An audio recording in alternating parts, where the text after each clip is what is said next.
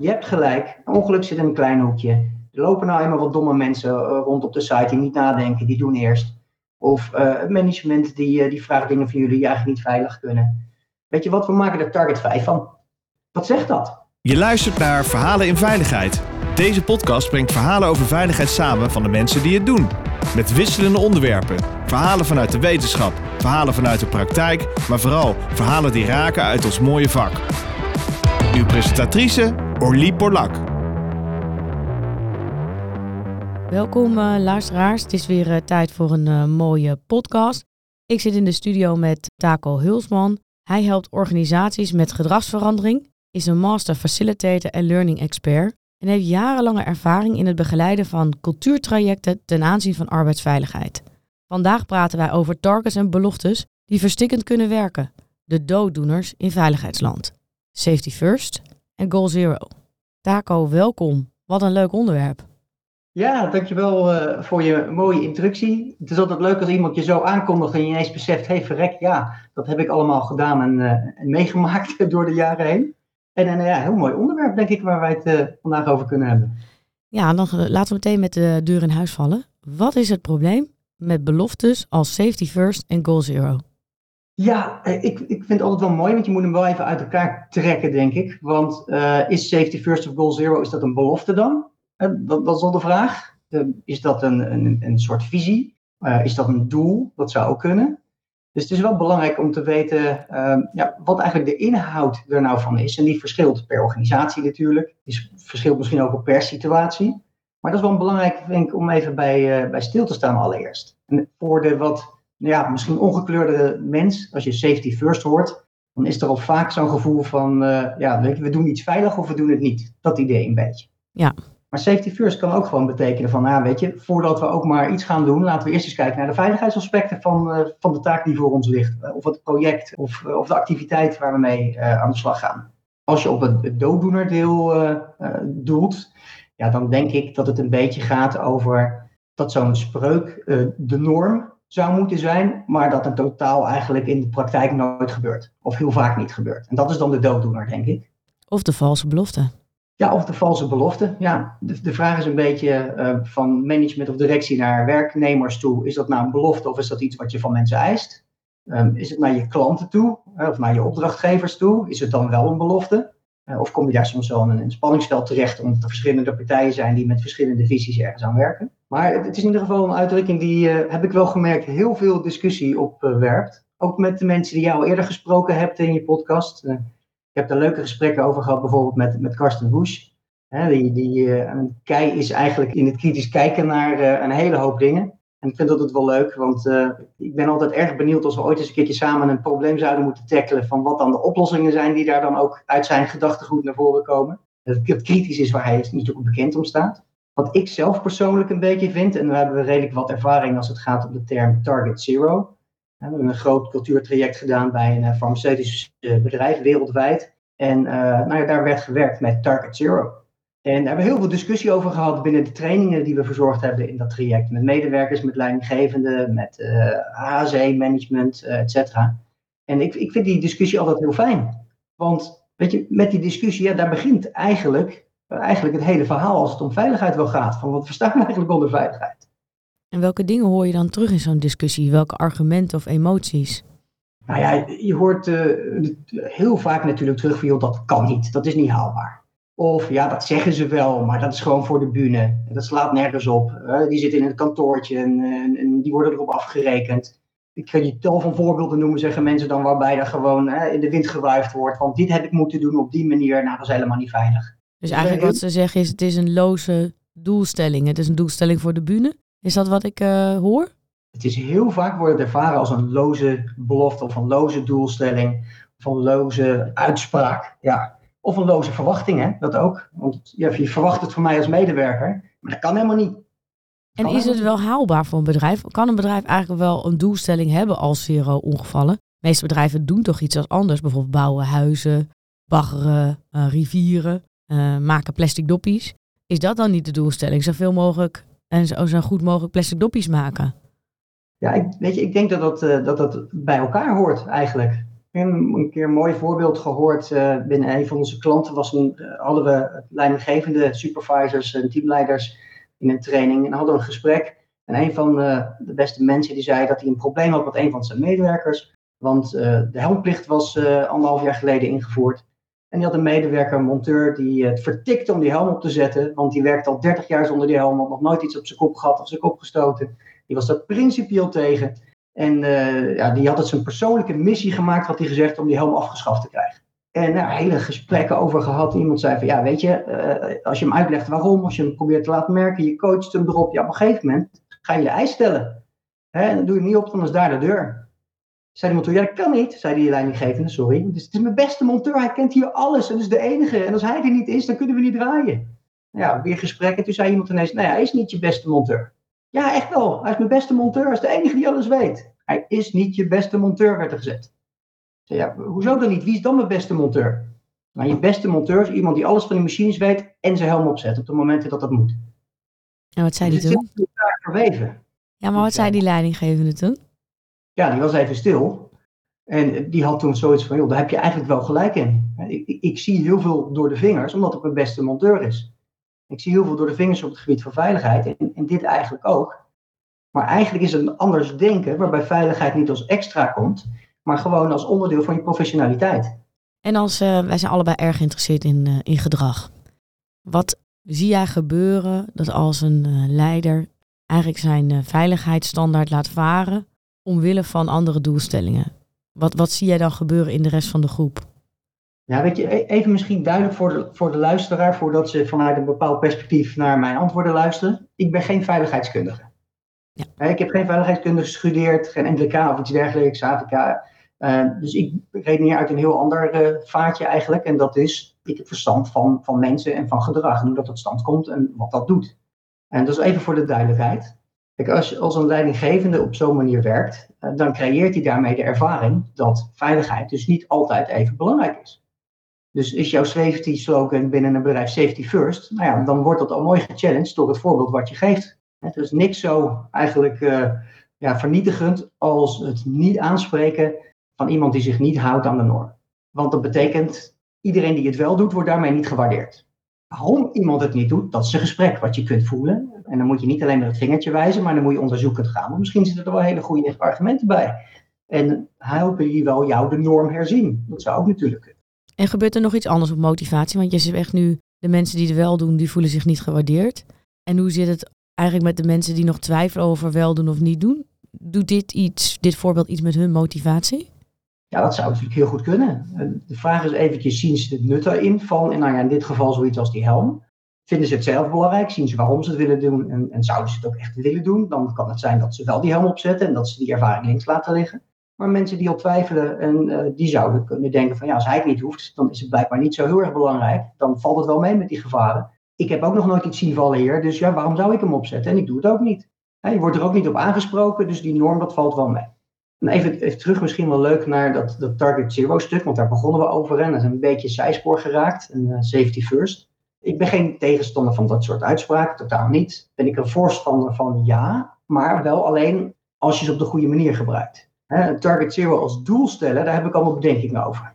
Ja, kun je dat eens toelichten? Wat zie je in de praktijk gebeuren? Ja, weet je, is dat wel realistisch, hè? Nul ongevallen. En, en de vraag is een beetje, welke ongevallen bedoelen we dan? In de meeste gevallen zijn dat wat, wat veel grote organisaties de recordables noemen. Hè? Dus de, de dodelijke ongevallen, ongevallen waarbij iemand uh, moet uh, verzuimen, dus eventjes een tijdje niet kan werken. Of de recordables, waarbij iemand toch echt wel eventjes medische aandacht nodig heeft, maar gelukkig, hij kan weer werken binnen één of twee dagen. Of hij kan misschien wel ander werk doen. Kan je niet meer staan, kan je wel zitten. Meestal zijn dat de ongevallen die dan daaronder vallen, onder waar we de nul van willen hebben. En alles daaronder is wat minder, uh, ja, wat minder ernstig vaak, of in ieder geval minder ernstig afgelopen, kan ik zo vertellen. Die worden dan niet meegeteld. Als je dat als doel stelt, echt als doel, maar je geeft geen body aan hoe gaan we dat met elkaar voor elkaar krijgen, ja, dan is dat gewoon iets loos. En dan is alle kritiek is geheel terecht. Want binnen een bedrijf met misschien wel duizend, meerdere duizenden mensen over heel de wereld verspreid zelfs wel, is dat überhaupt realistisch dan? Natuurlijk is het wel eens gelukt een jaar, althans volgens de statistieken, maar heeft iedereen wel alles gemeld? dat is dan de volgende vraag. Als die nul zo heilig is, maar we hebben niet met z'n allen goed op het netvlies waarom dat zo belangrijk is en hoe we dat met elkaar doen. En waarom we dat op die manier met elkaar willen doen. Ja, dan kan het best zijn dat, dat we ergens uh, in de ladder uh, binnen dat bedrijf gewoon zorgen dat die nul er komt. Ik ken verhalen van iemand die uh, zijn been gebroken heeft op het werk. Die werd buiten de poort getild. En daar werd de ambulance gebeld. Was het offside gebeurd? Mooi, kan die nul gewoon lekker blijven staan. Ja, dus je noemt eigenlijk drie dingen. Je noemt ten eerste van het is best wel lastig om die nul te definiëren. Het tweede argument wat je geeft is, uh, is het überhaupt wel haalbaar? En het derde argument wat je zegt, uh, werkt het niet ongewenst gedrag in de hand? Hè? Gaan mensen niet proberen die nul vast te houden of die nul ja, te beschermen? Door bijvoorbeeld inderdaad dingen niet meer te rapporteren, uh, dingen naar bezette tijd te doen, dingen weg te poetsen, maar misschien doen ze het ook wat eigen vrije wil. Hè? Die man zelf uh, in de auto stapt en zegt, joh, ik rij wel even naar de huisarts toe, want dan kunnen wij onze bonus bijvoorbeeld halen voor Target Zero. Ja, het kan een soort taboe worden, hè? alles rondom omgevallen. En ja, dat gaat natuurlijk tegenwerken. Ja, dat is inderdaad een hellend vlak, want je zegt nu taboe, dat zou betekenen dat je je gaat schamen misschien voor het maken van fouten. Dus je gaat schamen voor het ja, krijgen van een arbeidsongeval. En dat kan bijvoorbeeld voorkomen dat mensen uh, misschien willen delen, fouten willen toegeven, uh, willen melden. Uh, ja. Het kan veel, veel dingen tot gevolg hebben.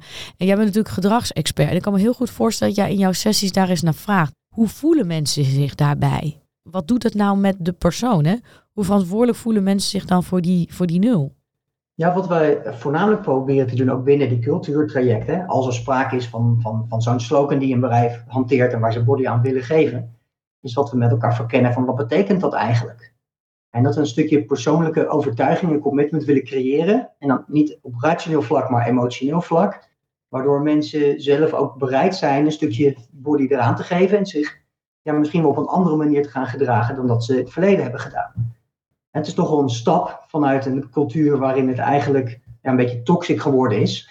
Helemaal naar waar iedereen erachter staat. Dat is een moeilijke. Dus een van de belangrijke dingen um, als het gaat om Target Zero is dat we in ieder geval met elkaar verkennen. Wat vind je er überhaupt van? Waarom wel, waarom niet? En uiteindelijk een beetje toewerken naar het feit van ja, weet je, die, die nul, ja, het wordt hier als doel gepositioneerd, maar is het nou eigenlijk wel een doel of is het meer een soort visie? Iets waar we, waar we uit willen komen? En één vraag uh, die we wel stellen is van joh, wie, wie van jullie uh, is uh, de afgelopen week gewond geraakt terwijl hij zijn werk deed?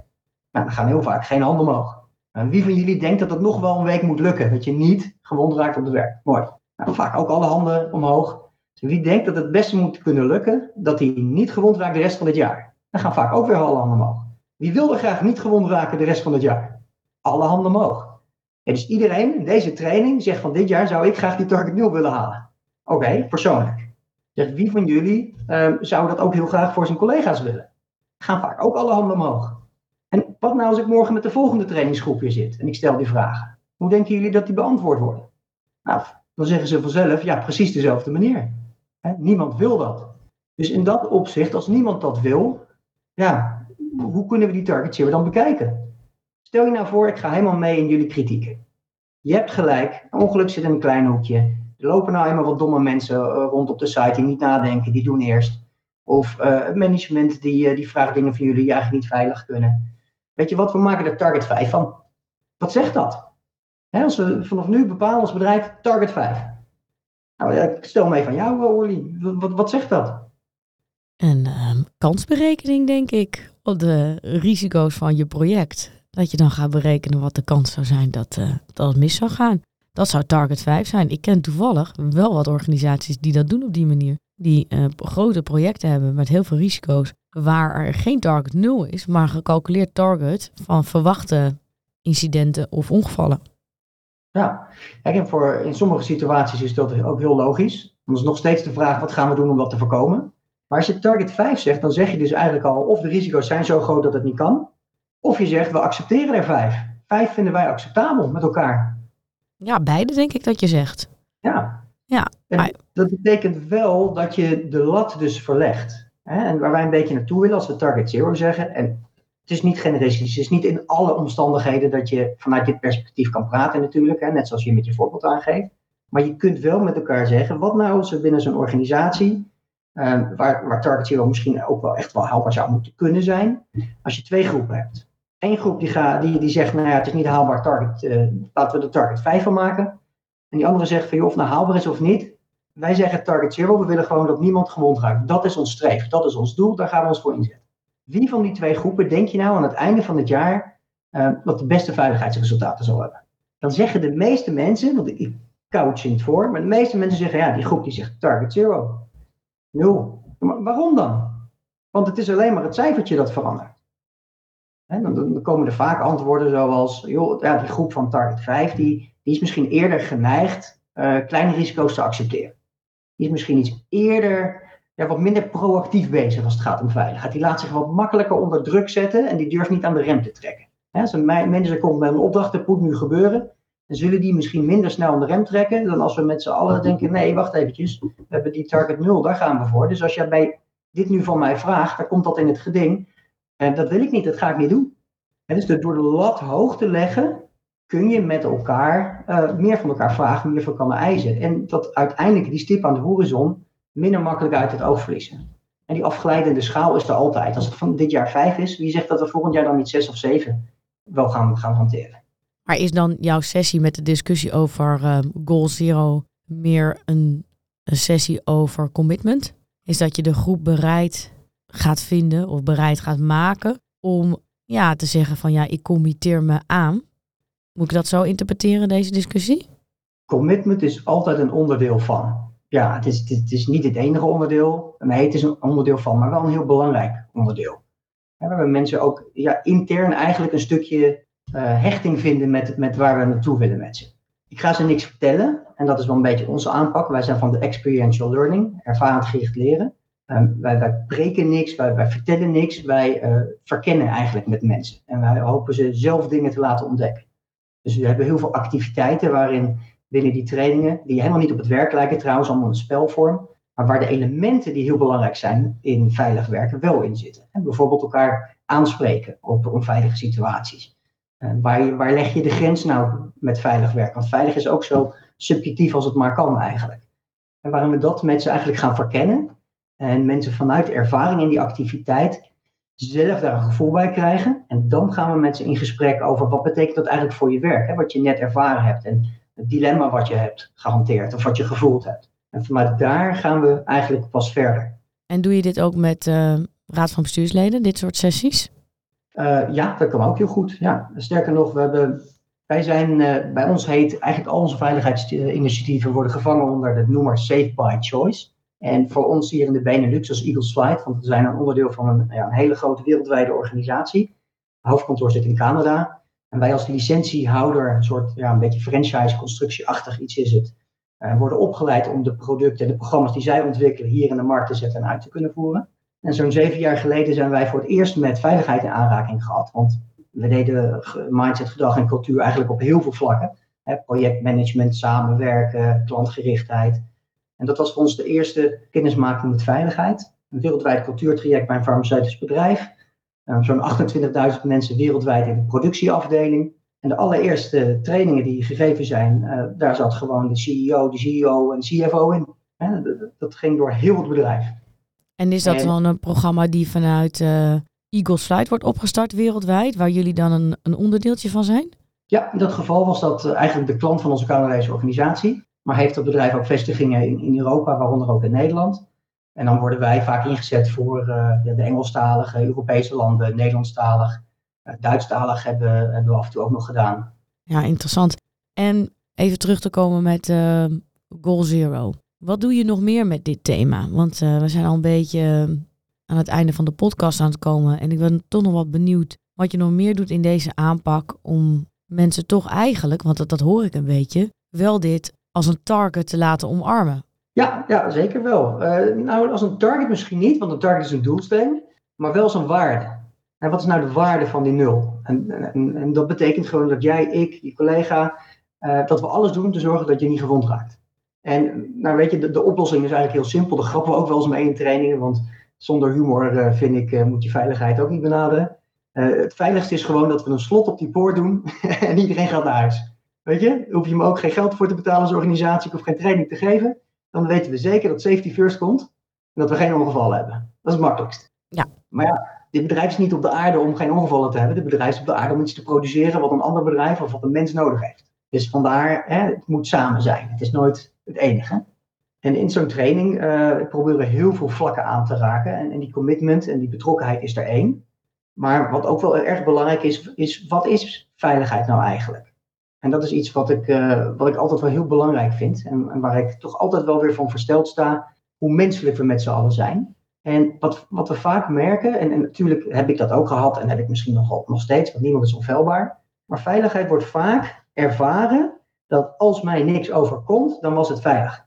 En dat is totaal niet wat veiligheid is natuurlijk. Je kunt gewoon heel veel, succes, heel veel geluk hebben, of lage faalkansen, of, of een klein risico. Maar als je hetzelfde 20.000 keer doet en elke keer onbevangen, dan ja, gaat het ergens wel eens een keertje fout. Dus die bewustwording dat, dat veiligheid iets anders is dan, dan nul ongevallen, dat is ook een hele belangrijke. En dat is weer eigenlijk die lat verleggen. En zo kom je van die nul naar waar het echt om gaat. Veiligheid is niet die nul. Je kunt nul ongevallen hebben, maar niet veilig gewerkt. En wat is veilig werken dan wel?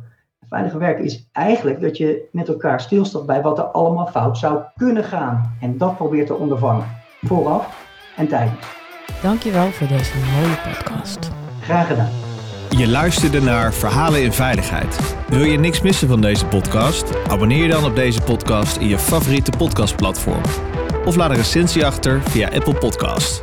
Dank voor het luisteren. Graag tot de volgende.